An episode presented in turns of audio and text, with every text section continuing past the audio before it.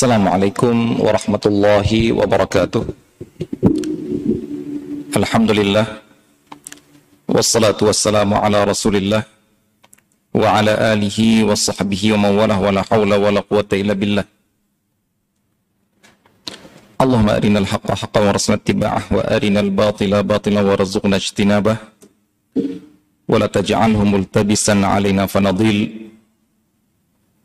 اللهم اجعلنا ممن يستمع القول فيتبع احسنه فانك ولي ذلك والقادر عليه اللهم فقنا في الدين اللهم فقنا في الدين اللهم فقنا في الدين وعلمنا التأويل Hadirin kaum muslimin dan muslimat yang dirahmati Allah Subhanahu wa taala. Alhamdulillah kita masih bisa melanjutkan kajian kita dalam rangkaian membaca dan memahami sebuah kitab yang berjudul Akhdul Mal ala A'malil Qurab. Yang berjudul Akhdul Mal ala A'malil Qurab yaitu apa hukum mengambil uang atau upah atau bayaran dari melakukan sebuah perbuatan yang mendekatkan diri kepada Allah Subhanahu wa taala yang kita namakan dengan qurbah jadi insya Allah sekarang nanti kita akan menghadapi beberapa istilah yang istilahnya ini hampir berdekatan. Namun kalau kita kaji lebih detail lagi bisa berbeda antara satu dengan yang lainnya. Kita telah membahas tentang apa saja jenis cara mengambil harta, baik itu dengan cara rizq, rizki, ataupun secara upah atau secara jual atau secara hadiah dan lain sebagainya dan kita telah membahas tentang dari mana saja harta itu bisa didapatkan apakah itu dari baitul mal atau dari yayasan-yayasan sosial atau dari beberapa kaum muslimin. Nah, insya Allah pada pada pertemuan kali ini kita akan membahas tentang apa itu kurbah apa itu amalan-amalan kurbah sebentar. Ya mana ya halo. Silakan kafatan apa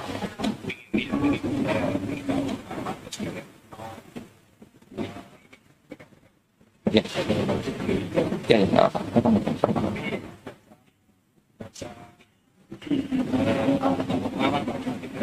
ya ya jangan apa karena karena yang karena kan karena kan dia ngomong untuk nasihatin para wisata aja gitu ya insyaallah ya ya insyaallah Assalamualaikum.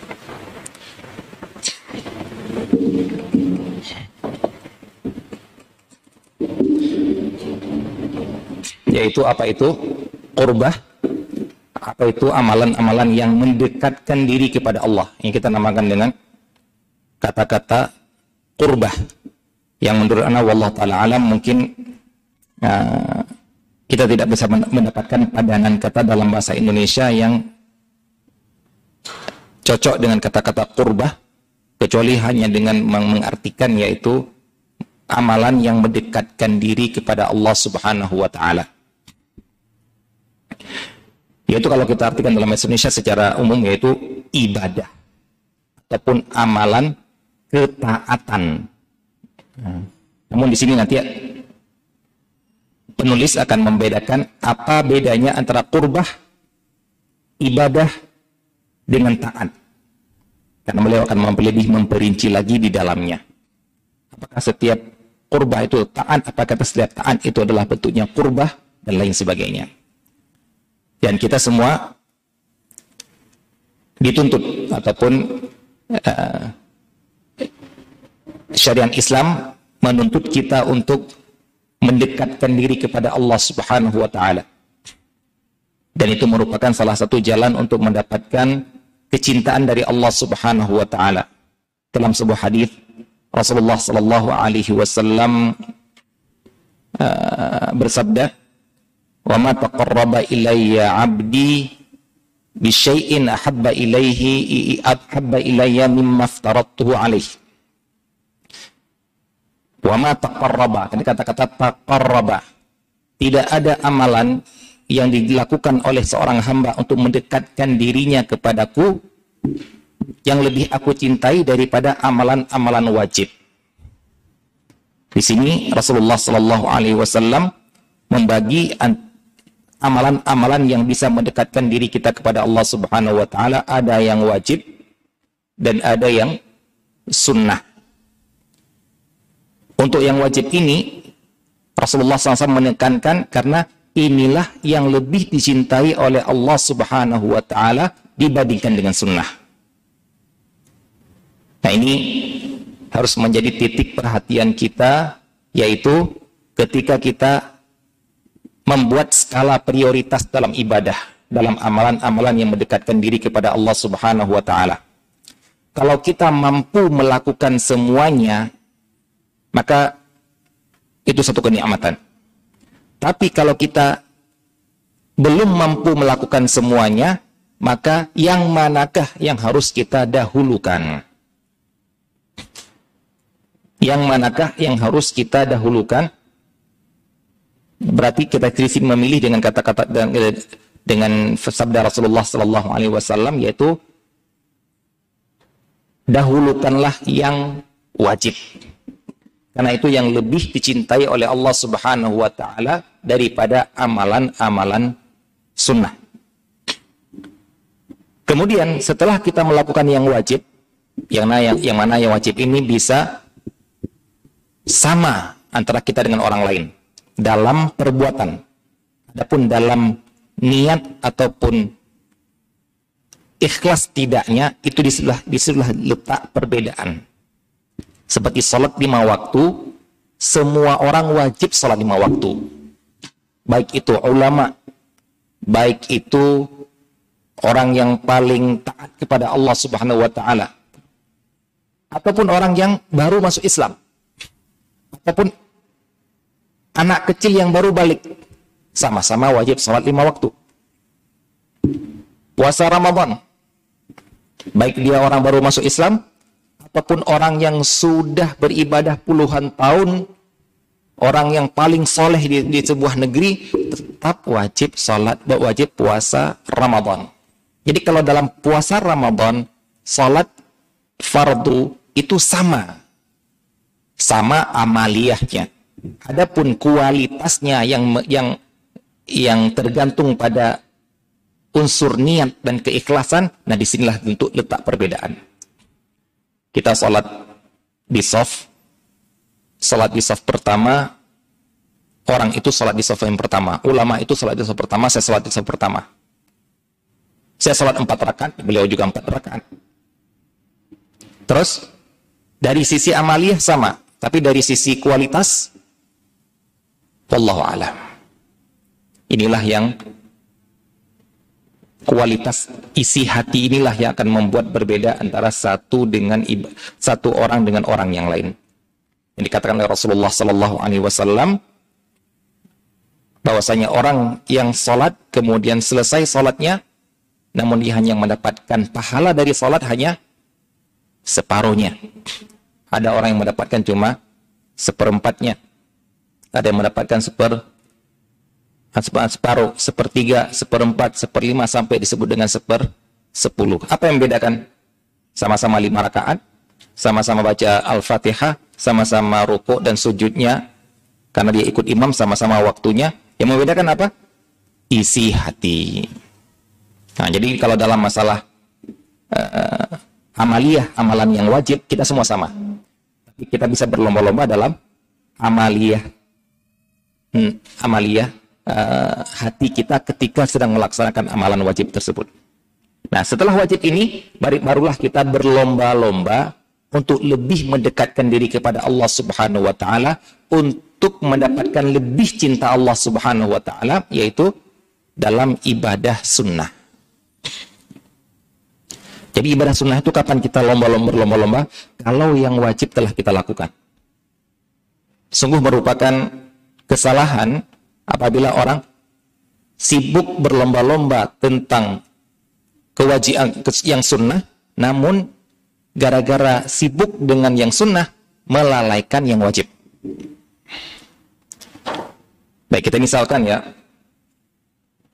yang yang yang kalau umum tentang sholat sunat dengan sholat uh, sholat sunat tahajud dengan sholat witir dengan sholat subuh mungkin sudah banyak kita ketahui. Kita contohkan yang lain yaitu tentang infak. Tentang infak. Menafkahkan harta. Menafkahkan harta itu ada yang wajib dan ada yang sunnah. Yang wajib yang kita tahu kebanyakannya adalah zakat. Tapi ternyata ada infak yang lebih wajib daripada zakat. Apa maksud lebih wajib daripada zakat? Karena kalau zakat itu ada batas tertentu, standar tertentu yang lebih besar daripada kebutuhan seseorang, barulah dia wajib zakat, yaitu dinamakan dengan nisab. Kalau kurang dari nisab, jadi nggak wajib zakat dia. Walaupun hartanya banyak. Nah, contohnya misalnya, uh, punya rumah besar, punya mobil harta harganya ratusan juta, nggak wajib zakat. Dikarenakan zakat mal itu cuma yang berhubungan dengan dinar dan dirham, emas dan perak atau sekarang uang kartal. Kalau tidak tercapai nisab 85 gram emas misalnya yang terus sekarang harga, harganya kira-kira 80-an juta, maka dia tidak wajib zakat. Nah, berarti kalau punya uang 40 juta atau 60 juta, kalau belum mencapai nisab emas, maka dia tidak wajib zakat. Ini kalau zakat. Nah, sedangkan ada yang di sana amalan uh, nafkah yang lebih wajib, infak yang lebih wajib daripada zakat. Yang dia tidak mengenal waktu. Maksudnya tidak mengenal waktu bukan setahun sekali. Kalau zakat kan setahun sekali. Dia tidak mengenal nisab. Zakat mengenal nisab. Apa itu? Yaitu nafkah untuk nafkah untuk istri dan kerabat. Yang ini lebih rutin daripada zakat. Nah, di sini terkadang uh, mungkin ya uh, ikhwah dan akhwat sekalian, kaum muslimin dan muslimat sekalian, sering mendengar istilah uh, sedekah subuh. Sedekah subuh mereka berdalil saya awalnya saya dengar sedekah subuh itu ada dalilnya Ustaz. Loh, kaget saya. Ah, kok apa dalil mengkhususkan sedekah di subuh hari itu? Dikatakan karena dalam hadis dikatakan bahwasanya setiap hari ketika terbitnya matahari maka turun dua malaikat ke bumi. Mereka berdoa berdoa. Yang pertama berdoa, Allahumma a'ti munfiqan khalafan. Yang kedua mengatakan berdoa, Allahumma a'ti mumsikan talafa. Ya Allah, berikanlah kepada orang yang mau menginfakkan hartanya ganti ganti apa yang telah diinfakkan oleh dia. Yang kedua, berdoa, ya Allah berikanlah orang yang tidak mau menginfakkan hartanya kehancuran daripada hartanya. Nah, ada sebagian orang memahami, oh ini berarti keutamaan sedekah subuh. Wallahu taala alam yang lebih anda pahami adalah ini bukan bukan ditujukan untuk keutamaan sedekah subuh, tapi keutamaan sedekah pada hari itu. Mau subuh, mau di duha, mau di zuhur, mau di asar, mau di maghrib. Jadi malaikat ini mendoakan untuk orang yang bersedekah pada hari itu. Menginfak, saya tidak dengan bersedekah, yang menginfakkan. Nah, ada sebagian orang juga memahami bahwasanya ini artinya infak untuk orang lain. Nah, ini juga kurang tepat. Karena yang dimaksud dengan infak di sini, infak harta, yang dikeluarkan harta, baik itu yang wajib ataupun yang sunat.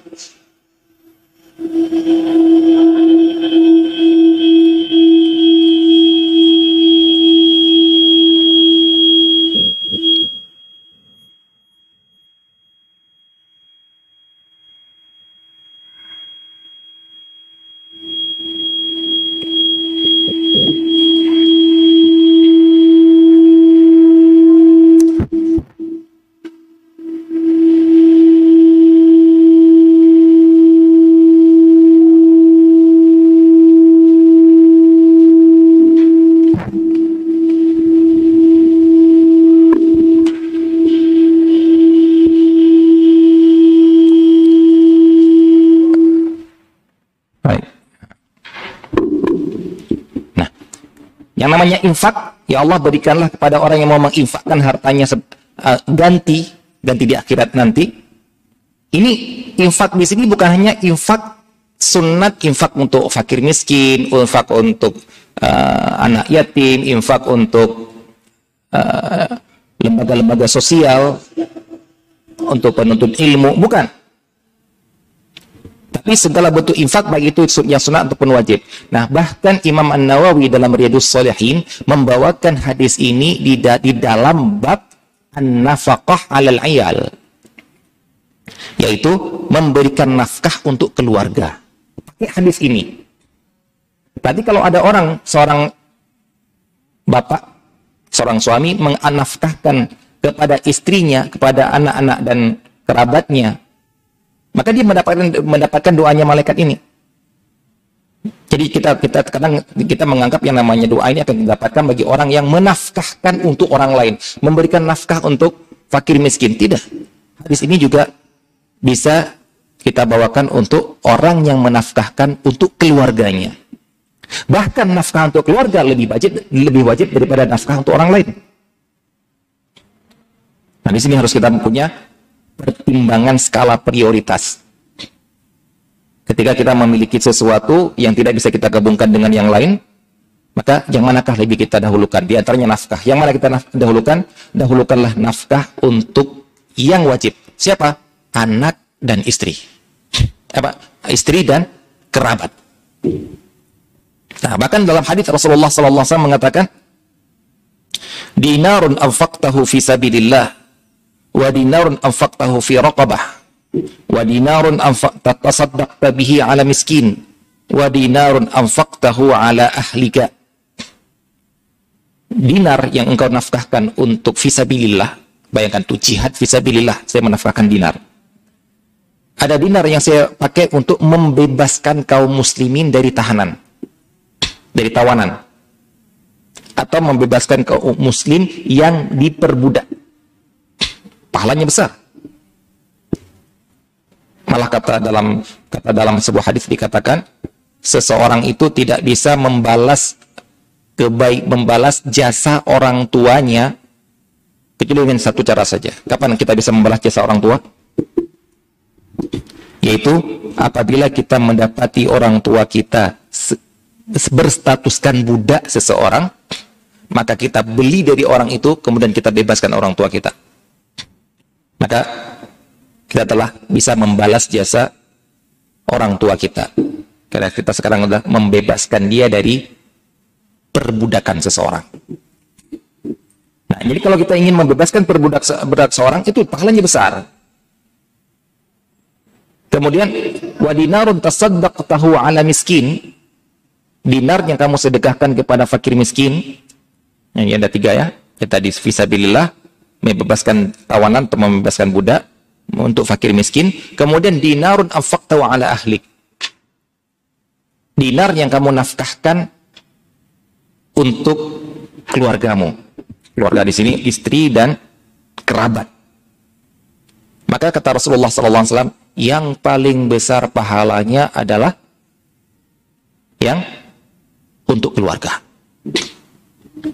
Jadi di sini jangan kita pakai istilah nepotisme wah ini nepotisme ini saat masa uh, lebih mengedepankan keluarga daripada yang lain.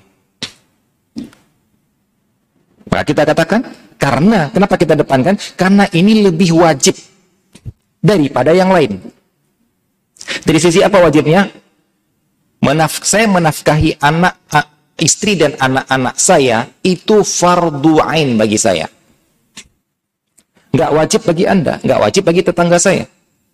Nggak wajib dari orang-orang kampung saya. Saya yang wajib. Adapun menafkahi fakir miskin yang ada di kampung saya, maka itu wajib bagi saya, bagi tetangga saya, bagi orang sekampung saya yang dinamakan dengan fardu kifayah, wajib kifayah.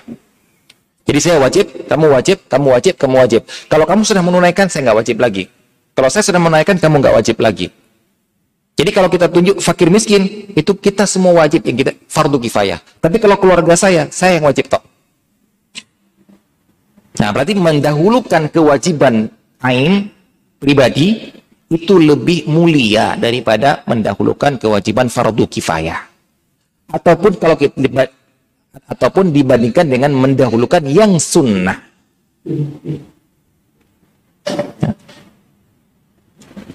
Ini dari sisi dari, dari sisi manakah lebih kenapa lebih banyak pahala menafkahkan untuk keluarga daripada untuk orang lain. Dan ini masuk dalam hadis tadi. Orang yang menafkahkan untuk keluarga masuk dalam hadis Allah Subhanahu wa taala akan mengganti. Bukan hanya untuk fakir miskin diganti oleh Allah, untuk keluarga pun akan diganti oleh Allah Subhanahu wa taala. Nah, ketika Imam Nawawi ataupun para ulama membawakan hadis-hadis tentang nafkah untuk keluarga, mereka membawakan hadis yang bunyinya kafa bil mar'i ithman an yudayya man yaqut. Dalam lafaz lain kafa bil mar'i ithman an yahbisa amman yamliku qutahu.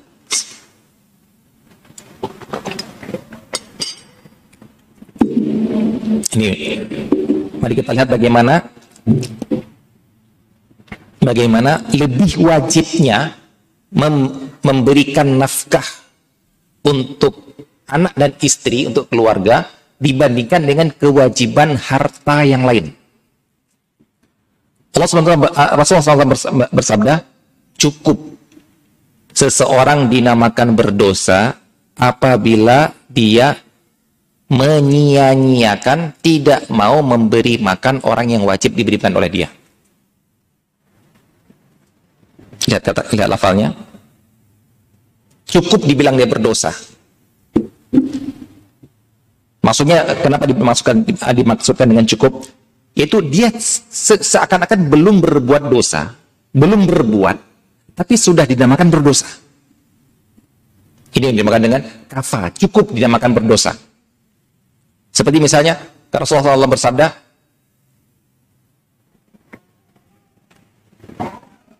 Kafa bil mar'i kadziban an yuhadditha bi kulli ma sami'a. Cukup seseorang itu didamakan dusta kalau dia menceritakan semua yang didengar. Dia belum berdosa loh. Dia belum berdusta. Tapi ngomong apa pun yang didengar dari orang lain sebelum tabayun itu sudah dinamakan berdusta. Karena kemungkinan besar berita yang disampaikan ini belum tentu benar. Tapi dia sudah menyampaikan sebelum tabayun. Beda kalau dia sudah tahu bohong, dia sampaikan. Itu sudah. Itu namanya sengaja berbuat bohong. Tapi ini tidak sengaja berbuat bohong, sudah dinamakan berbuat bohong. Ini dinamakan kafa, cukup. Nah, kalau dalam nafkah ini Rasulullah SAW menyebutkan, cukup orang itu dinamakan ber, ber, berdosa apabila dia menyia-nyiakan tidak maksudnya menyia tidak memberi makan orang yang wajib dikasih makan. Dalam lafaz lain, cukup seorang itu dikatakan berdosa kalau dia menahan dirinya, maksudnya tidak melakukan sesuatu, yaitu melakukan sesuatu untuk memberi makan orang yang wajib dikasih makan. Apa maksudnya di sini? Bedakan antara orang yang punya punya harta, tapi nggak mau ngasih. Ini zolim sudah. Saya punya harta, untuk kasih nafkah, tapi saya tidak kasih nafkah. Dengan bedakan dengan orang tidak punya harta, tapi tidak mau cari harta untuk kasih nafkah. Bedakan ya? Kalau saya sudah punya harta, tapi nggak mau ngasih, dosa saya ini. Tapi cukup dibilang seorang itu berdosa, dia harusnya cari uang untuk kasih makan anak-anak dan istrinya, tapi nggak mau nyari. Ini sudah dinamakan berdosa. Jadi bukan dia punya uang tadi nggak mau ngasih, tapi nggak mau nyari uang, males nyari uang, menahan diri dari tidak menahan diri dan apa, menahan dirinya, tidak mau cari uang untuk nafkah keluarga, itu sudah dinamakan berdosa. Dan di sini kita akan bisa melihat perbedaan antara besarnya kewajiban mencari nafkah dengan kewajiban-kewajiban di dalam masalah harta yang lainnya. Contoh, kita wajib zakat. Zakat rukun Islam yang ketiga. Wajib zakat, kita sepakat semua insya Allah.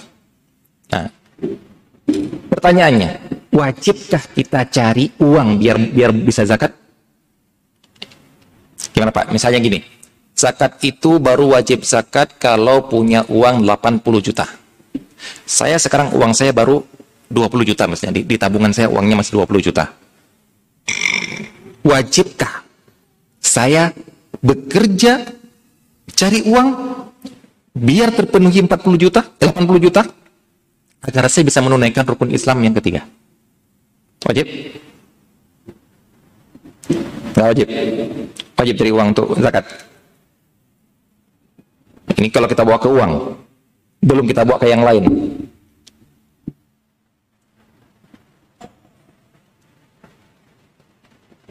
Zakat sapi itu kalau terpenuhi 30 ekor sapi. Nah, sekarang ada orang yang banyak orang-orang di desa itu punya sapi cuma satu ataupun dua ekor. Puluhan tahun dia ternak segitu tahu sapinya.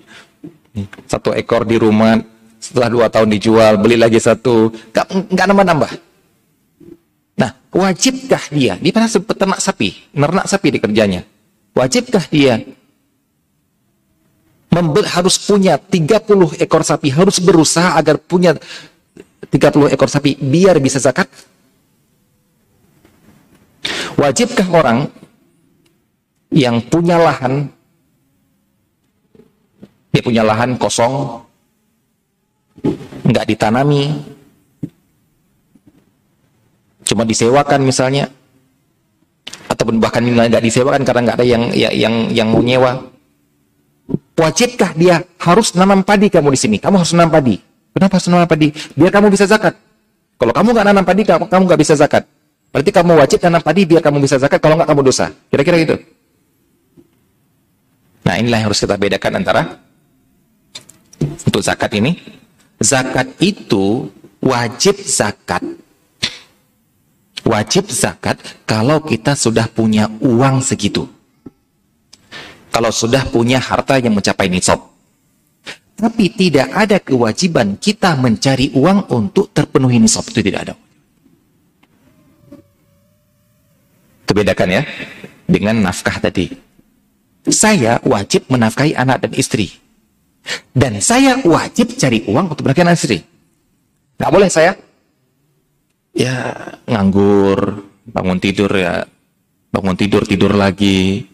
Nah, Kemudian tanya, kenapa nggak cari uang? Ya, nggak apa, nggak usah lah. Terus anak-anak ada anak-anak dan istrimu, ya nanti kalau ada yang ngasih, alhamdulillah. Kalau nggak ada yang ngasih, nggak apa-apa. Kalau dapat hadiah nanti, ada yang mau bantu, ada yang makan susu sedekah.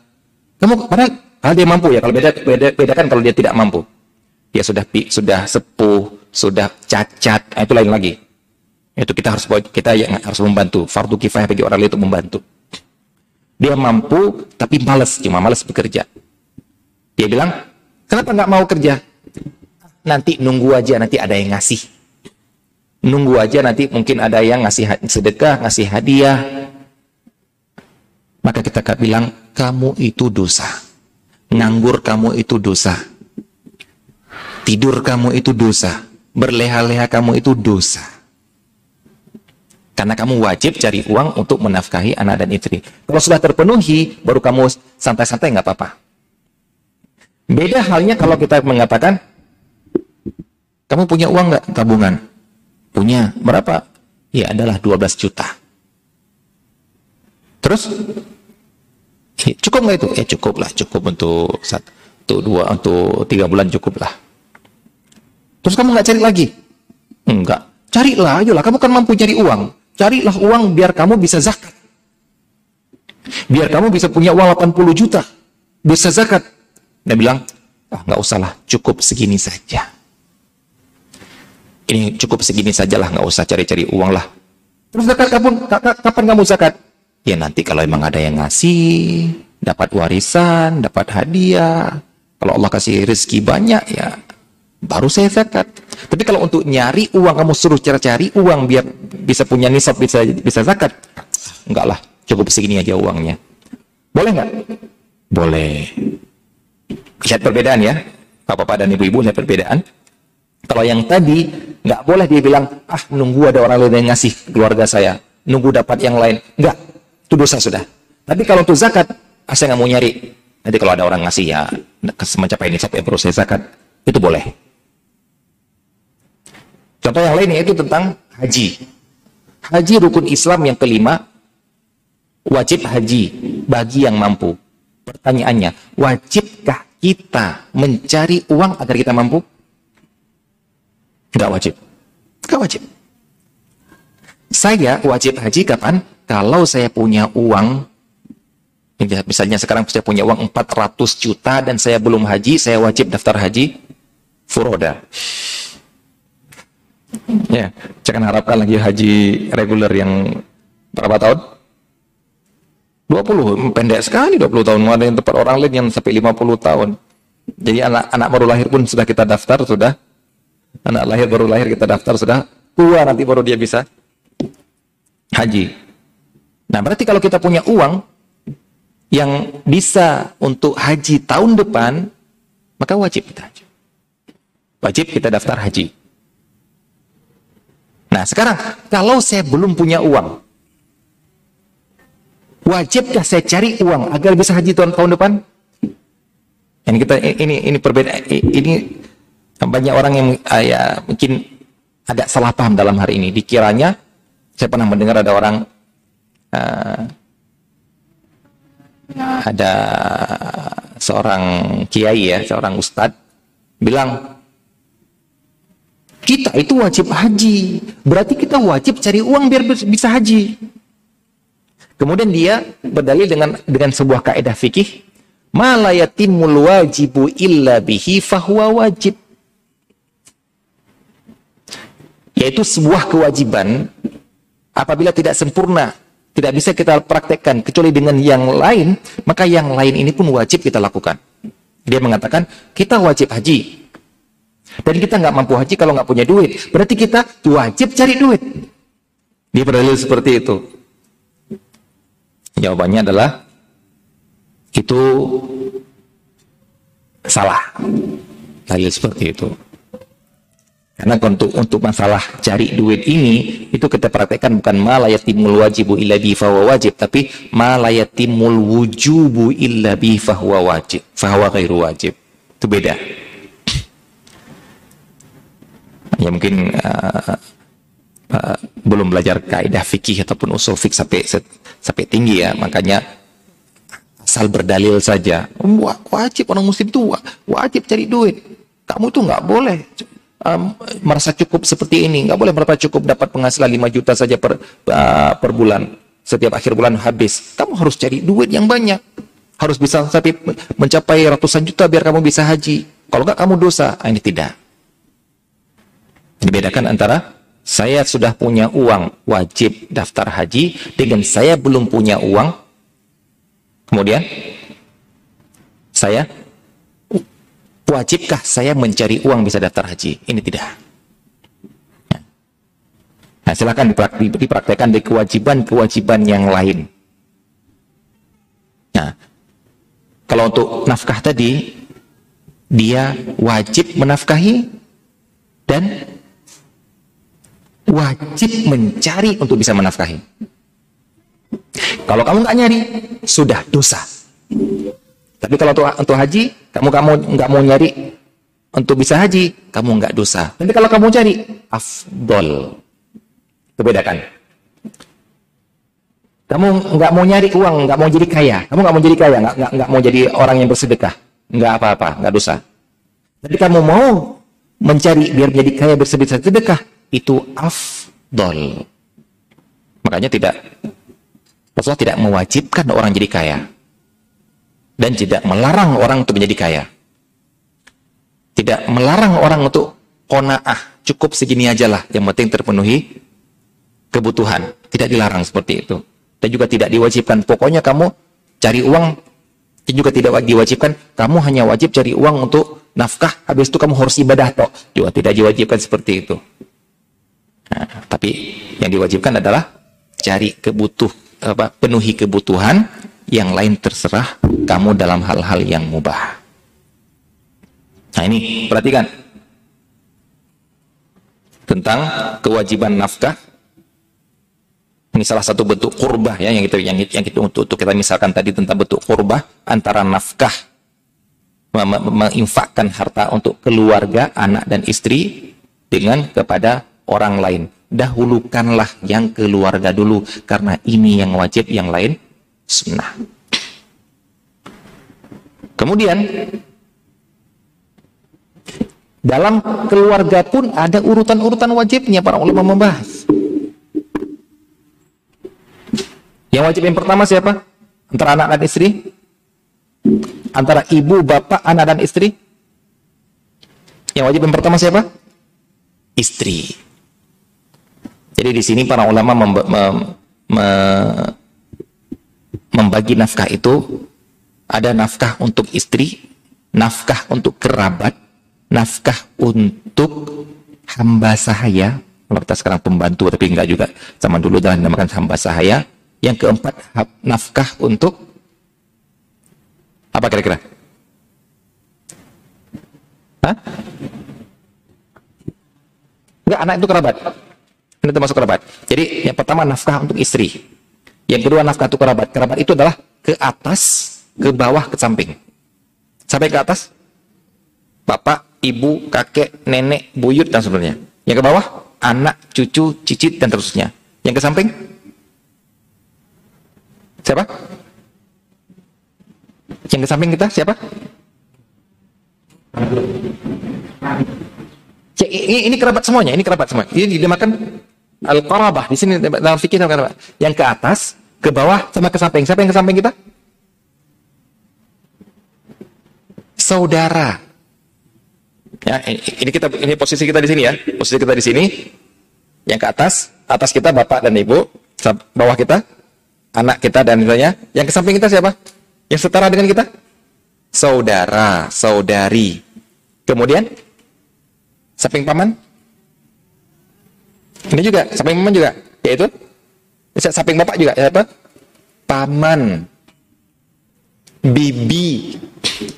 Kemudian yang termasuk yang samping adalah ponaan. Termasuk yang samping adalah sepupu. Ini semua kerabat baik jadi istri, kerabat. Yang ketiga adalah hamba sahaya. Yang keempat siapa? Kira-kira. Nafkah itu wajib. Siapa kira-kira? Bukan anak lagi nih. Kalau anak sudah masuk ke ya. siapa kira-kira? Hewan peliharaan. Itu wajib kita nafkahi. Jadi kalau antum punya hewan peliharaan kucing, maka wajib kasih makan kucing kalau sudah melihat apa menganggap nggak mampu lagi makasih makan kucing, maka bebaskan, biar cari makan sendiri. Tapi juga jangan dibebaskan. Saya lihat ada anak kucing, anak kucing bayangkan kucing mungkin belum sampai sebulan, eh, masih sebulan lah umurnya itu, dibebaskan di tengah sawah. Ini zolim juga nggak boleh ini. Bebaskan di tempat yang kira-kira di sana banyak makanannya ataupun kemungkinan besar dia mendapatkan makanan. Nah, ada punya peliharaan lovebird, kasih makan. Kalau sampai mati nggak dikasih makan, dosa. Kalau nggak mampu ngasih makan, bebaskan atau sembelih aja. Nah, ini, ini, nafkah semuanya. Yang kita nggak akan bicarakan tentang hamba sahaya ataupun tidak kita bicarakan tentang hewan ya dua ini aja suami dan apa istri dan kerabat. Nah, antara istri dengan kerabat saja ini para ulama mengatakan ada perbedaan kewajiban yaitu mana lebih wajib, mana lebih didahulukan, istri atau kerabat. Kalau kita bilang sekarang lah istri atau anak, istri atau ibu, istri atau bapak. Mana lebih kita dahulukan? Ini ini semua ini semua dibahas oleh para ulama seandainya antum wahai para suami punya istri, anak, ibu dan bapak yang wajib dinafkahi jumlahnya mungkin empat orang ataupun enam orang semuanya tapi antum cuma bisa memberi makan untuk dua orang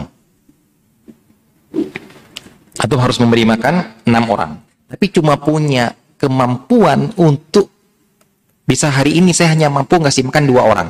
Ini dibahas oleh para ulama. Siapakah yang didahulukan? Siapa? Istri. Ini kita harapkan bagi ibu-ibu yang terkadang punya rasa cemburu besar bahkan untuk bukan hanya untuk madunya tapi untuk menantunya kita harapkan bagi ibu-ibu yang sudah belajar fikih sudah ikut kajian tolong dipraktekkan. Yaitu apa? Terkadang ada ibu-ibu yang cemburu kalau anak laki-lakinya lebih mendahulukan nafkah istrinya daripada dirinya. Kemudian marah menganggap anaknya durhaka yang ujung-ujungnya suruh menceraikan istrinya karena seakan-akan istrinya istri apa menantunya ini telah merebut bakti seorang anak itu alasannya tapi kalau kita lihat secara fikih apa anak Anda itu lebih wajib menafkahi istrinya daripada Anda. Ini kalau kita lihat urutan-urutannya dalam kewajiban memberi nafkah. Kenapa? Ulama mengatakan karena nafkah untuk istri itu wajib nafkah untuk istri itu bukan gara-gara ikatan kekerabatan. Tapi ikatan muawadah. Apa itu muawadah? timbal balik. Apa itu? Saya suami, saya sebagai suami wajib kasih nafkah karena kamu wahai istri wajib melayani saya. Yang mana kata para ulama berarti seandainya si istri nusyuz apa itu nusyuz? Si istri durhaka tidak mau diajak oleh suaminya pada hari itu istrinya ngambek, diajak untuk bergaul, tidak mau. Maka ulama mengatakan hari itu si suami tidak wajib menafkahi istrinya. Kenapa? Tidak ada timbal baliknya. Nah, para ulama mengatakan kewajiban menafkahi istri itu gara-gara muawadah, ada timbal balik dari dia. Nah, ikatan muawadah ini harus lebih erat daripada hanya ikatan kerabat dalam masalah nafkah. Dalam masalah nafkah.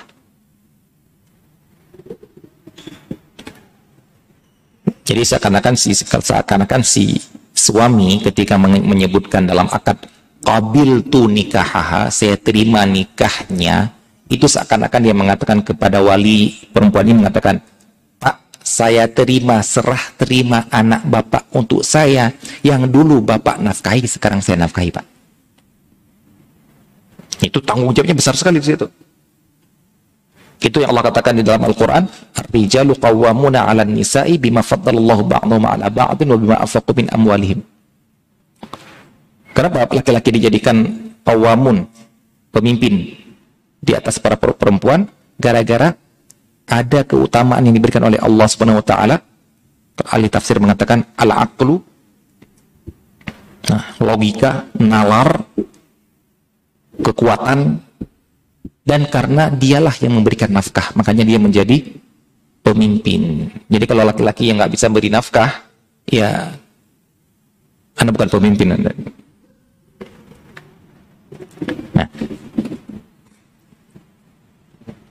Yang kedua yang yang yang uh, menunjukkan bahwasanya lebih wajib menafkahi istri uh, istri lebih wajib didahulukan dalam menafkahi daripada kerabat adalah para ulama mengatakan nafkah istri itu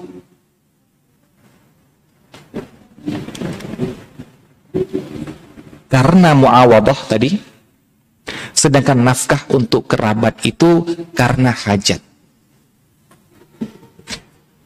Ya, kemarin kita lihat perbedaannya apa. Istri wajib dinafkahi gara-gara ikatan pernikahan.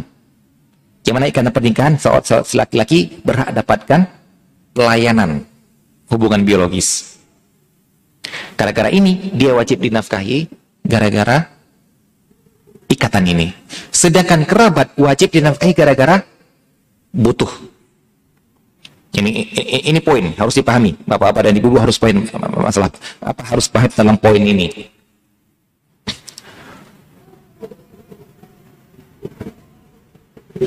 Apa contohnya ataupun apa konsekuensinya? Contohnya apa konsekuensinya gini. Berarti konsekuensi dari dari, dari poin ini adalah berarti si suami wajib menafkahi istri walaupun istri lebih kaya daripada dia istri punya harta, punya bisnis online, punya harta warisan dari bapak ibunya ataupun punya hadiah dari neneknya, punya aset seluruh hartanya senilai 500 juta. Suami, ya gajinya cuma UMR, nggak punya yang lain. Tapi si suami wajib menafkahi istri, si istri tidak wajib mengeluarkan uangnya untuk nafkah dirinya sendiri. Nah, dia berhak, si istri berhak mengatakan kepada suami, Hai suamiku, nafkahi aku. Kalau tidak mampu, ya ceraikan saja aku. Ya boleh si suami bilang, Dik, kamu kan punya uang lebih banyak pada saya, ya kamu nafkahi di sini kamu sendirilah. Pakai uang kamu lah untuk belanja. Tidak berhak suami mengatakan seperti itu. Itu kalau ada suami bilang seperti itu, cemen berarti itu. Nah, itu nggak pantas dijadikan suami itu. Karena dia bukan qawwamuna ala nisa.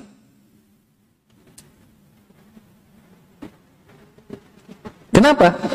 Karena suami memberikan nafkah untuk istri bukan gara-gara istri butuh. Orang kaya nggak butuh. Dia lebih kaya pada, daripada suami, saya nggak butuh kamu nafkahi. Tapi kamu wajib nafkahi saya. Gara-gara apa? Gara-gara kamu telah mengatakan kabil tu. Dan saya wajib melayani kamu. Gara-gara saya telah menerima untuk dinikahkan dengan kamu. Nah, ini kalau istri. Maka dia harus di depan, depankan daripada yang lain. Kalau ke kerabat, ini, ini, ini sekarang lihat perbedaannya. Kalau ke kerabat, itu nafkah kerabat itu karena butuh. Berarti, berarti konsekuensinya. Kalau dia tidak butuh, kenapa? Apa maksud tidak butuh? Karena dia bisa menafkahi diri sendiri, maka saya tidak wajib menafkahi kerabat. Contoh, saya punya anak, saya punya anak masih SD kelas 3 dia dapat hadiah sawah dari neneknya misal. Dapat hadiah sawah dari neneknya yang mana sawah ini kalau disewakan per tahun 20 juta. Berarti dia satu bulan bisa punya uang 2 juta lah kira-kira. Nah saya ini bisa punya uang 2 juta uangnya dia. Baik pertanyaannya sekarang Wajibkah saya menafkahi anak saya? Gimana ibu-ibu? Wajib gak menafkahi anaknya? Tidak wajib. Kenapa?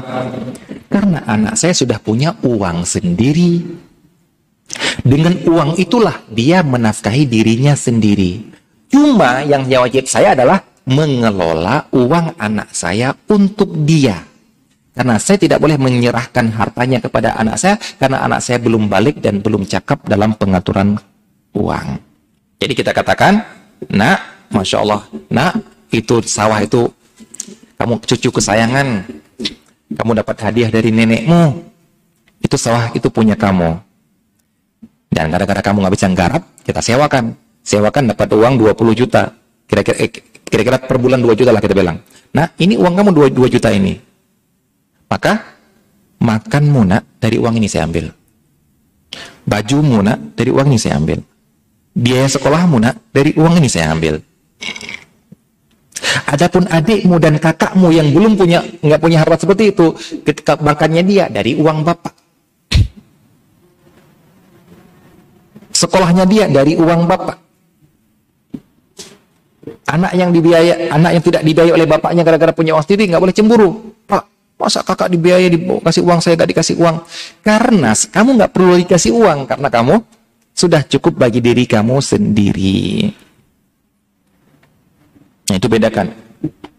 Makanya ibu-ibu mungkin pernah melihat pada Ramadan apa Syawal tahun lalu itu uh, apa istilahnya itu gencar di media sosial, ya orang bikin lucu-lucuan sebenarnya sih ya, yaitu yang dinamakan dengan investasi bodongnya seorang anak. Pernah tahu ya? Ah, ya, anak kecil di, di hari raya keliling-keliling dapat uang angpau yang banyak. Terus ibunya bilang apa? Biar ibu yang simpan. Ada yang bilang ini investasi bodong ini. Benar sudah itu, biar ibu yang simpan, biar bapak yang simpan, karena karena anak kecil belum bisa mengelola uang sendiri. Terus nanti uang itu habis. Kalau habis untuk nafkahnya dia boleh. Ya, habis tapi kalau anda habiskan untuk kasihkan ke anak-anak yang lain itu nggak boleh. Karena itu uangnya uang anak anda. Jadi anak kecil sudah memiliki atau belum? Sudah memiliki. Cuma dia belum bisa mengelola, belum dibolehkan untuk mengelola.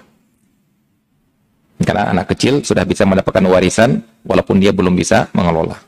Nah, begitu juga, ini kalau saya contohkan ke anak kecil, begitu juga saya punya orang tua, tapi orang tua saya itu punya uang pensiun.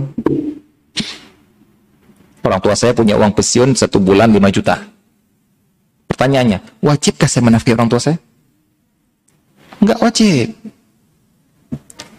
Jadi di sinilah, wahai orang tua, jangan cemburu.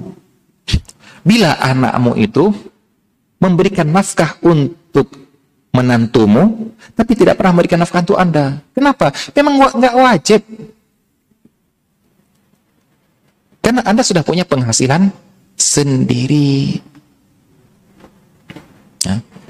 Jadi kecemburuan ini yang terkadang miris saya melihat mendengar ada orang-orang yang curhat di media sosial, yaitu seorang ibu memerintahkan anak eh, putranya untuk menceraikan istrinya. Hanya gara-gara apa? Cemburu. Makanya Allah Ta'ala alam, kalau kita belajar fikih nikah, uh, madhab hambali, disebutkan di situ bukan syarat nikah ya, bukan syarat nikah, tapi anjuran. Dikatakan dianjurkan cari calon istri yang tidak punya ibu, yang sudah tidak punya ibu. Kenapa?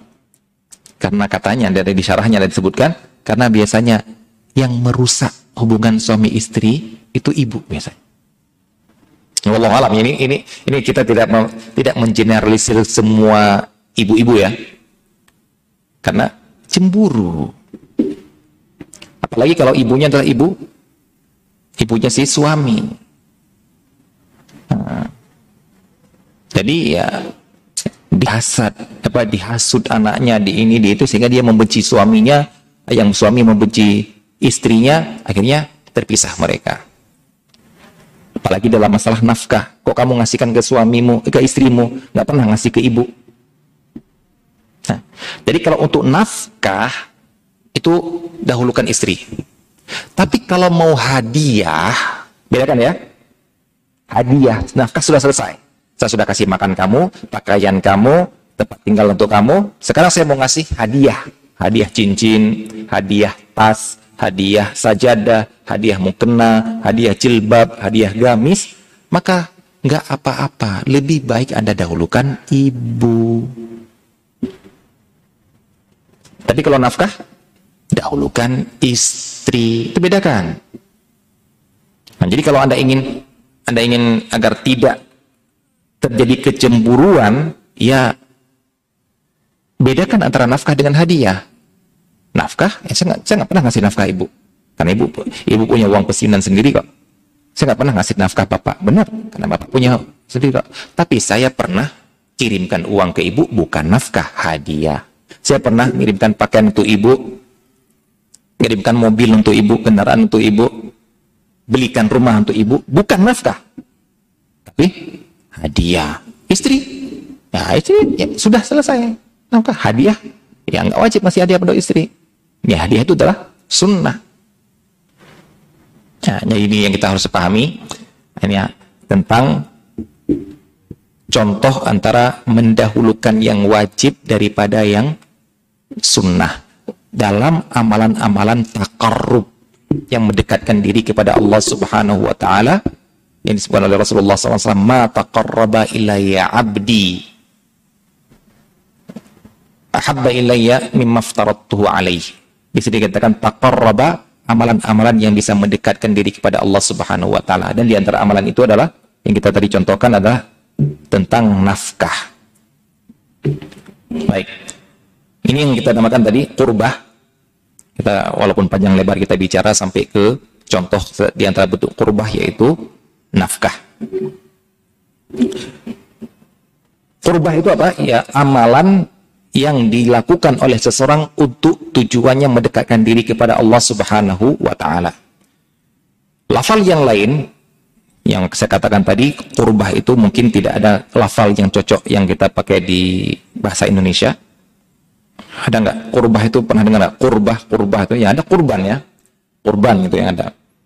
Ya, kurbah amalan yang mendekatkan diri kepada Allah. Nah, yang ada dalam bahasa Indonesia adalah ibadah ataupun taat. Nah, kata kata beliau di sini tiga kalimat ini ini ada perbedaannya. Kurbah, taat sama ibadah. Mari kita lihat apa perbedaan perbedaan ketiganya ini disebutkan oleh penulis di sini perbedaan antara kurbah, ibadah, dan ketaatan yang semuanya ini tujuannya adalah sama itu kepada Allah Subhanahu wa taala.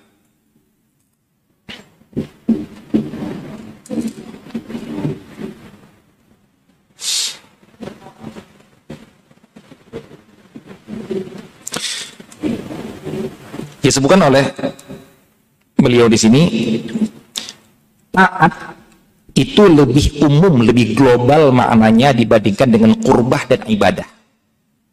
Taat itu lebih umum daripada cuma kurbah dengan ibadah. Berarti setiap kurbah, setiap ibadat pasti taat. Tapi tidak pasti ketaatan itu, perbuatan ketaatan itu adalah kurbah. Kok bisa seperti ini? Dikatakan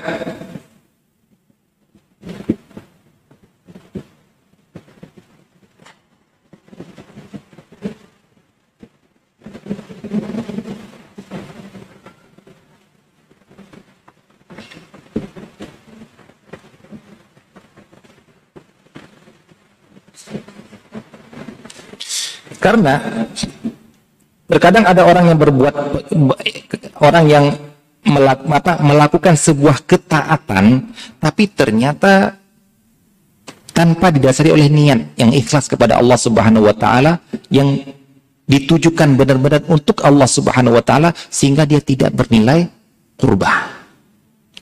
Dia berbuat taat. Tapi tidak belum tentu itu mendekatkan diri kepada Allah Subhanahu wa taala. Yang dia buat perbuatan ketaatan, tapi ternyata menurut di sisi Allah Subhanahu wa taala tidak bernilai ibadah. Tapi kalau dia sudah berbuat ibadah, ya benar-benar meningkat mendekatkan diri kepada Allah Subhanahu wa taala, itu sudah bisa kita namakan kurbah ataupun ke ketaatan. Nah, ini ini walaupun ketiga tiga lafal ini kalau kita lihat ya semuanya wah dia berbuat ketaatan, taat kepada Allah. Wah dia telah mendekatkan diri kepada Allah, dia telah berbuat ibadah kepada Allah. Ini seakan sama. Tapi kalau beliau lebih memperinci lagi, ini belum tentu sama.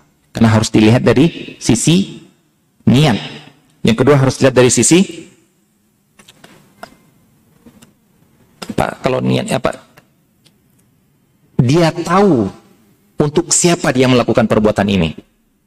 Jadi ada orang-orang yang berbuat ketaatan, amalan-amalan taat, tapi ternyata dia tidak pernah ditujukan kepada Allah Subhanahu wa taala, tapi tidak bisa menjadi kurbah, tidak bisa menjadi ibadah. Kemudian beliau mengatakan kurbah kalau tadi taat lebih global daripada kurbah dan ibadat. Sedangkan kurbah itu sekarang antara kurbah sama ibadah. Kurbah itu lebih global daripada ibadah berarti fakullu ibadatin kurbah wala yanakis semua ibadah adalah kurbah dan tidak sebaliknya Berarti tidak semua kurbah itu ibadah. Kenapa? Ya tadi juga niat tadi. Ada orang yang uh, tujuannya ingin mendekatkan diri kepada Allah, tapi ternyata niatnya jelek, maka tidak dinamakan ibadah. Dia ingin mendekatkan diri kepada Allah. Banyak orang yang mendekatkan diri kepada Allah, tapi amalannya amalan bid'ah. Malah menjauhkan diri kepada dari Allah Subhanahu Wa Taala. Ya. Seperti dikatakan oleh uh, ucapan para ulama salaf, "Mazdada sahibu bid'atin ilallahi qurbatan illa izdada bidzalika bu'dan." Apabila ahlul bid'ah apabila ahlu bid'ah ingin mendekatkan selama selalu apa senantiasa ingin mendekatkan diri kepada Allah SWT pakai amalan bid'ah maka makin dia lakukan makin jauh dari Allah Subhanahu wa taala. Kenapa? Karena tidak terpenuhi di dalamnya syarat ibadah yaitu niat dan mutabaah. Memang perbuatan dia perbuatan kurbah tapi ternyata tidak terpenuhi di dalamnya syarat untuk dinamakan ibadah. Berarti tidak akan sampai kepada Allah Subhanahu wa taala. Nah, inilah di antara perbedaan yang ketiga hal ini.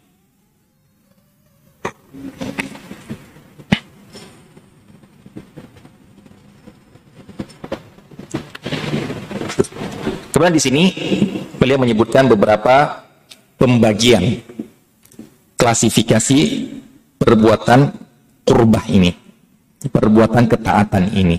Setelah kita lihat ketiga perbedaan ini, sekarang kita gabungkan punya ini kita ambil secara keseluruhan perbedaan-perbedaan ataupun klasifikasi-klasifikasi perbuatan yang mendekatkan diri kepada Allah Subhanahu wa taala.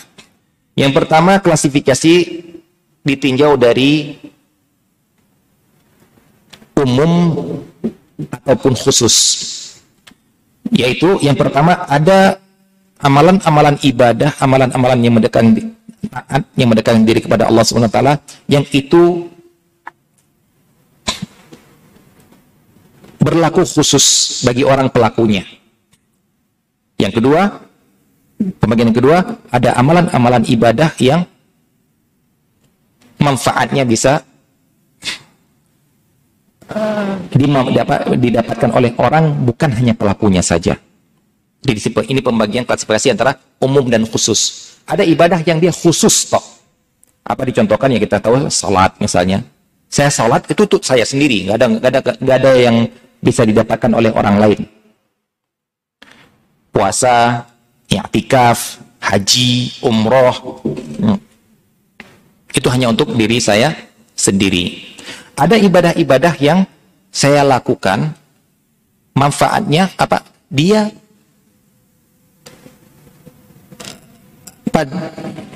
didapatkan manfaat untuk oleh orang lain juga. Dan perlakuan ibadahnya ini bukan hanya untuk saya sendiri, tapi orang lain juga. Beliau mencontohkan di sini, seperti adzan, iqamah, adzan. Apa contohnya? Adzan tujuannya bukan untuk, kalau hanya untuk tahu diri sendiri, ngapain adzan? Saya sholat saja langsung sudah sampai waktu. Apa tujuan adzan? Saya ngasih tahu orang lain sudah masuk waktu. Qadha. Qadha itu menjadi hakim, menjadi pemutus perkara. Apa yang saya jadi pemutus perkara? Kalau saya tahu ini hukumnya untuk diri saya sendiri. Saya memutus perkara untuk ngasih tahu orang lain fatwa hisbah. Hisbah itu melakukan amar ma'ruf nahi mungkar. Kemudian membaca Al-Quran. Eh, mengajarkan Al-Quran bukan membaca Al-Quran mengajarkan untuk diri sendiri. Mengajarkan Al-Quran mengajarkan ilmu syar'i dan lain sebagainya. Ini klasifikasi yang pertama. Klasifikasi yang kedua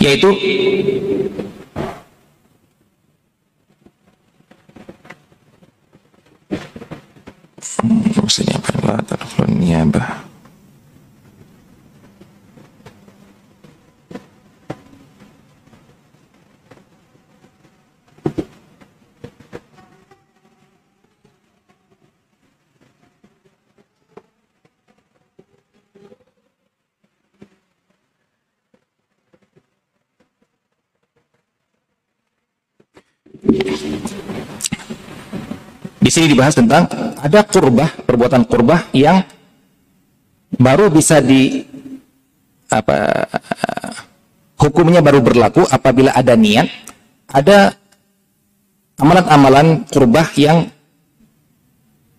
walaupun dilakukan tanpa niat. Apa maksudnya di sini? Di sini dicontohkan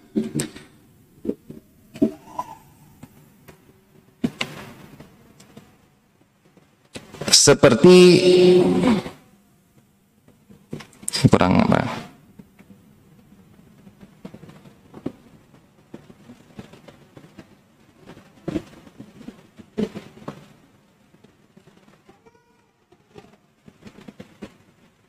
menurut saya tidak cocok di sini. Kalau dipakaikan niat apa niyah di sini bukan? Seharusnya di sini niabah. Ini wallahu taala alam nah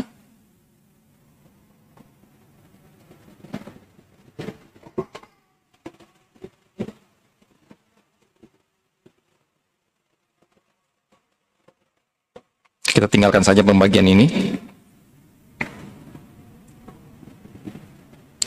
kita saja pembagian uh, dari sisi hukum taklifinya. Ya. Hukum taklifi ada kurbah yang dia wajib. Ada yang hal-hal yang bisa mendekatkan diri kepada Allah itu dia adalah yang wajib. Ya kita tahu seperti salat, zakat, puasa, haji itu yang diwajibkan oleh Allah Subhanahu wa taala. Ada yang hal-hal yang mendekatkan diri kepada Allah itu adalah sunnah hukumnya. Ya, kita tahu sundut semua seperti salat sunat, puasa sunnah, baca Al-Quran, uh, wakaf, tikaf, silaturahim, sedekah, dan lain sebagainya. Ada perbuatan yang bisa mendekatkan diri kepada Allah Subhanahu wa taala dan hukumnya adalah mubah. Kok bisa Ustaz? Mubah tapi mendekatkan diri pada Allah karena kita menyatakannya di dalamnya. Di sini contohkan seperti seperti makan. Makan itu mubah. Tapi dengan makan ini kita bisa mendekatkan diri kepada Allah Subhanahu wa taala kalau kita sertakan niat agar kita kuat untuk ibadah. Tidur, tidur itu mubah. Tapi kita bisa jadikan tidur itu sebagai amalan yang mendekatkan diri kepada Allah Subhanahu wa taala kalau kita niatkan untuk kuat dalam ibadah dan lain sebagainya. Seperti olahraga misalnya, seperti ya, cari uang misalnya, seperti berhubungan suami istri itu adalah cuma perbuat sekedar perbuatan adat, perbuatan mubah, tapi dia bisa menjadi uh, sunnah. Yang keempat, pembagian ke apa uh, apa yang pembagian terhadap hukum hukumnya, hukum taklifinya apakah dia wajib, sunnah, haram, makruh. Contohnya adalah dicontohkan di sini ada bentuk kurbah yang haram. Gimana ini? Ada bentuk orang mau mendekatkan diri kepada Allah Subhanahu wa taala tapi ternyata itu perbuatan yang haram. Ini yang kita yang sering kita katakan dengan kata-kata bid'ah. Ya. Jadi seperti orang yang ingin hulu dalam ibadah yang dilarang oleh Rasulullah Sallallahu Alaihi Wasallam. Seperti Rasulullah SAW pernah melarang tiga orang yang berencana untuk hulu dalam ibadah. Yang satu berencana tidak akan mau menikah karena dia menganggap menikah itu mengganggu dia untuk ibadah. Yang kedua berencana untuk tidak untuk tidak mau tidur malam setiap malam sepanjang malam tidak mau tidur dia mau ibadah terus. Ada orang yang tidak yang berencana untuk berpuasa tiap hari tidak mau dia tidak tidak berpuasa sama tidak ada hari yang yang tidak dia puasa maka Rasulullah SAW melarangnya. Berarti kalau dia mereka masih mau tetap melakukan itu, itu perbuatan yang haram.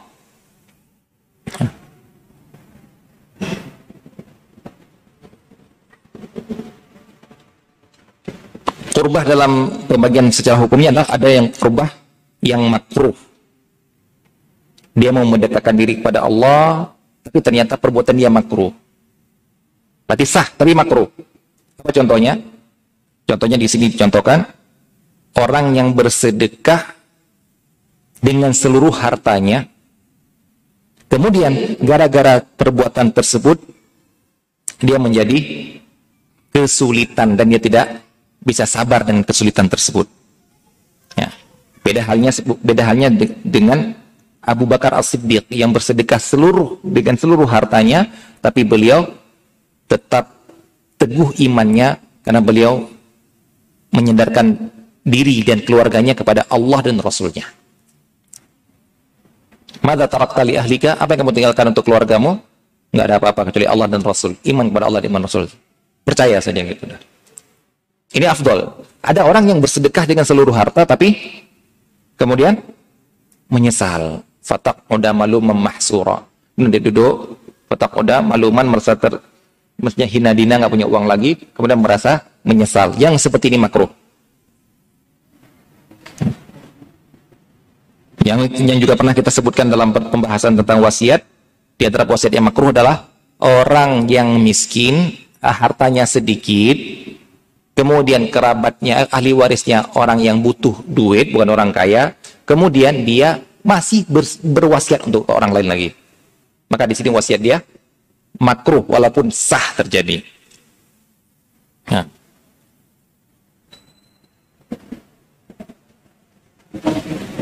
Ini dapat kita sampaikan pada pertemuan hari ini. Insya Allah pada pertemuan yang akan datang, kita akan melihat langsung kita masuk ke dalam amalan-amalan yang disebutkan oleh beliau di sini. Mana amalan-amalan yang boleh untuk dibayar,